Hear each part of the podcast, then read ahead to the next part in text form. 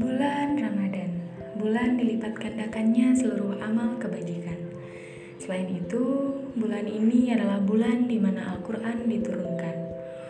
Oleh karenanya, pada bulan ini kita dianjurkan untuk lebih berinteraksi dengan Al-Quran seperti membacanya, mentadaburi atau memahami isinya, atau menghafalkannya untuk meraih keberkahan hidup.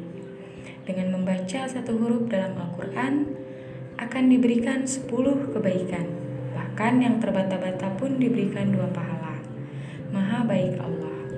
Selain itu, di bulan ini ada banyak waktu mustajab, waktu-waktu utama dan mulia, baik di malam dan di siang hari. Maka dari itu, dengan waktu itu hendaknya kita gunakan untuk senantiasa beristighfar, karena pintu ampunan sangat terbuka lebar pada bulan ini, insya Allah.